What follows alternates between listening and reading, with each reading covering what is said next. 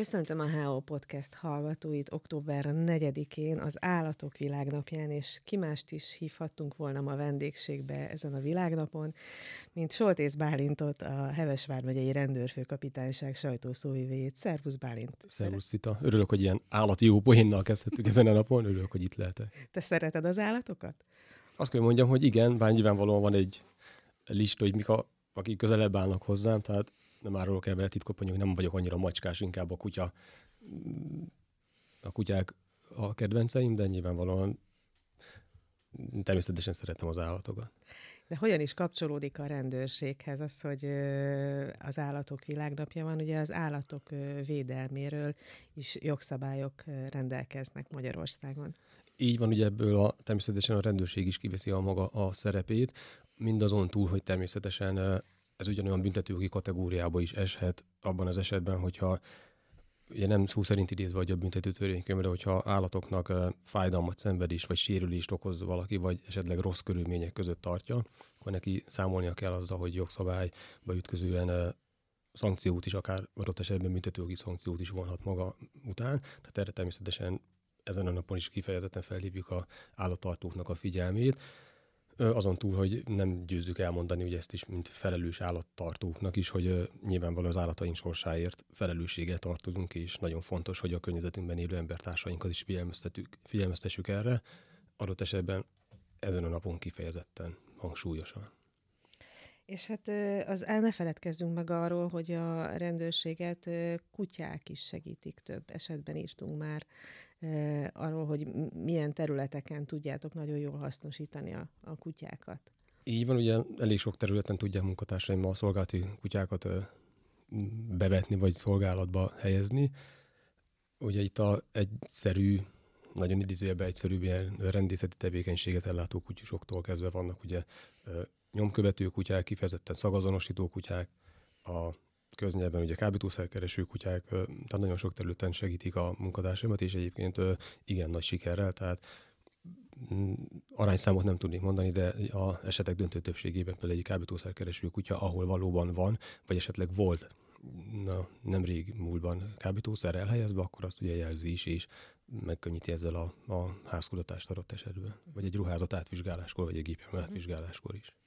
Most, hogy megemlékeztünk az állatok világnapjáról, talán hm, azt is mondhatnánk, hogy van egy másik dolog, amihez nem is kell már világnap, hiszen szinte minden nap hallhatunk, olvashatunk olyan hírt, hogy internetes vagy telefonos csalás áldozatává vált valaki, pedig szinte minden beszélgetésünkben szóba kerül. Úgy tudom, hogy megint van mit mondanod róla.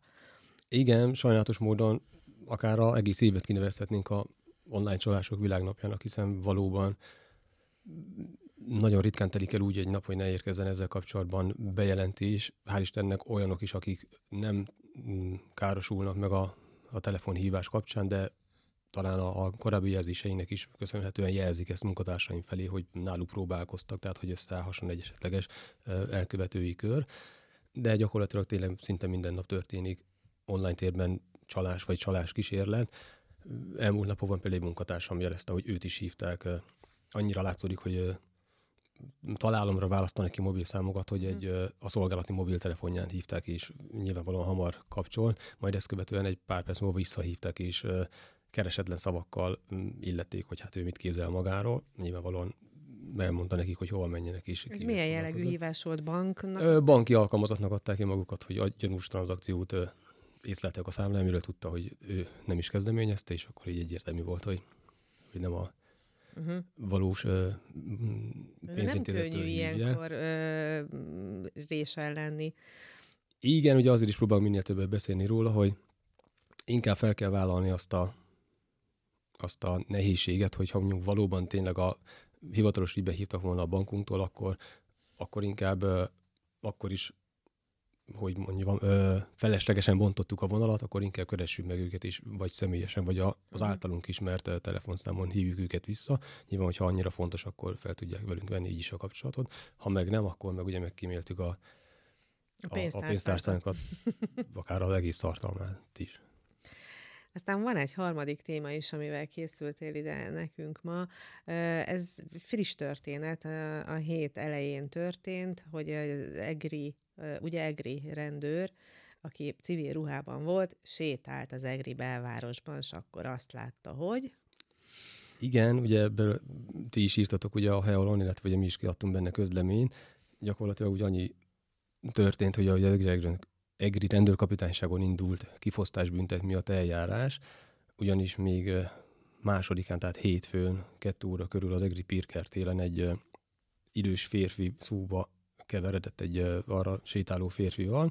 Ő elkérte az iratait, és a többszöri kérésére nem adta vissza a férfinak, hanem elszaladt a pénztárcájával, és ekkor a férfi ugye segítségért kiabálva mondhatjuk, hogy a, a tettesnek a bal szerencsére mhm. éppen a, egy szolgálatban lévő civil ruhás munkatársam mellett szaladt el, aki ezt meg is hallotta és megtette a szükséges intézkedéseket, tehát visszatartotta a, a menekülő férfit, és ami amiért talán fontosabbnak tartottam kiemelni, meg szeretném említeni név szerint, mert sajtóreferens kolléginámról van szó, tehát nő létére visszatartotta ezt a, ezt a, a elkövető férfit, tehát Szabó Boglák, a rendőr főtörzsőrmester kolléginának innen is gratulálok, hogy teljesen más szakterületen dolgozott természetesen. Bátor voltál. Bátran segített a bajba került férfinak, de természetesen időközben a helyszínre érkeztek járó munkatársaink is, egyenruhások is, valóban a ruhájából elő is kerültek a férfinak a személyes iratai.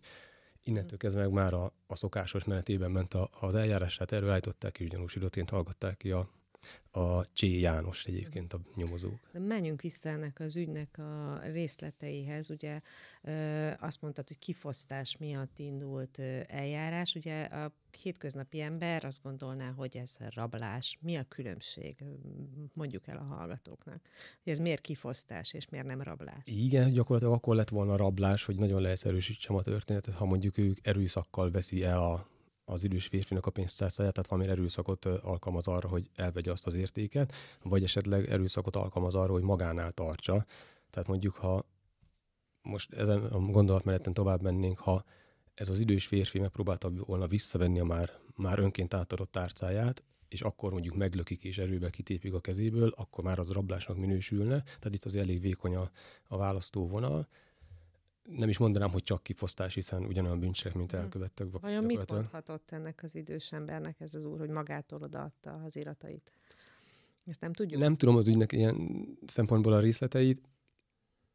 Én úgy gondolom, hogy egyébként uh, nyilvánvalóan nem feltétlen, vagy nem véletlenül egy idős férfi szemeltek, kipróbálták megvezetni akár, akár valamilyen hivatalos ügyre hivatkozva, vagy bármilyen segítséget kérve. De hogy pontosan mi, tört, mi hangzott el közöttük, azt én nem tudom, de természetesen a mm, férfinak a kihallgatásakor erre is kitértek a nyomozó munkatársai. Uh-huh. És ugye ennek az idős úrnak szerencséje volt, hogy éppen a, a kollégád, a Boglárka sétált ott el, és ő felismerve a helyzetet segített, de vajon, ha nem is rendőr, csak egy átlagos állampolgár sétál, vajon van-e olyan, nem is bátor, hanem veszi a fáradtságot, hogy megpróbál segíteni, talán csak annyival is, hogy esetleg tárcsázza a 112-t? Hát, hogy veszi a fáradtságot, gyakorlatilag állampolgári kötelessége is lenne bárkinek. Nyilvánvalóan arra is teljesen minden jó alappal felléphet, hogy ő visszatartsa az elkövetőt, tehát az állampolgár is megteheti, hogy egy feltételezett elkövetőt visszatart a rendőrök kiérkezéséig nyilvánvalóan nem minden civil állampolgár tenni ezt meg, de hogy legalább a 112-t kell értesíteni, hogy igen, erre, uh-huh. erre szaladt valaki, és esetleg egy pontos személyleírást adjon. Azt hiszem, hogy egy fontos mondatot mondtál, hogy civilként is visszatarthatja, hogyha látja, hogy valószínűleg bűncselekményt követett el, ami kinek érkeznek a járőrök nyilván. Így van. Hát nyilvánvalóan ez, ez a gyakorlatban teljesen máshogy alakul, hiszen nem feltétlenül mer mindenki konfrontálódni, és abban az adott szituációban végig gondolom, hogy igen, én ezt most teljesen jogszerűen megteszem, hogy visszatartom, és hát ugye ez a szó is, hogy visszatartom, mi az, ami még belefér. Igen, igen, meg nem tudhatjuk, hogy mi van nála. Így van, úgyhogy azért is szoktunk neki örülni, hogyha ilyennel találkozunk, hogy tényleg valóban állampolgárok ebben segítségünkre voltak, de hát nyilvánvalóan a jellemzőbb az, hogy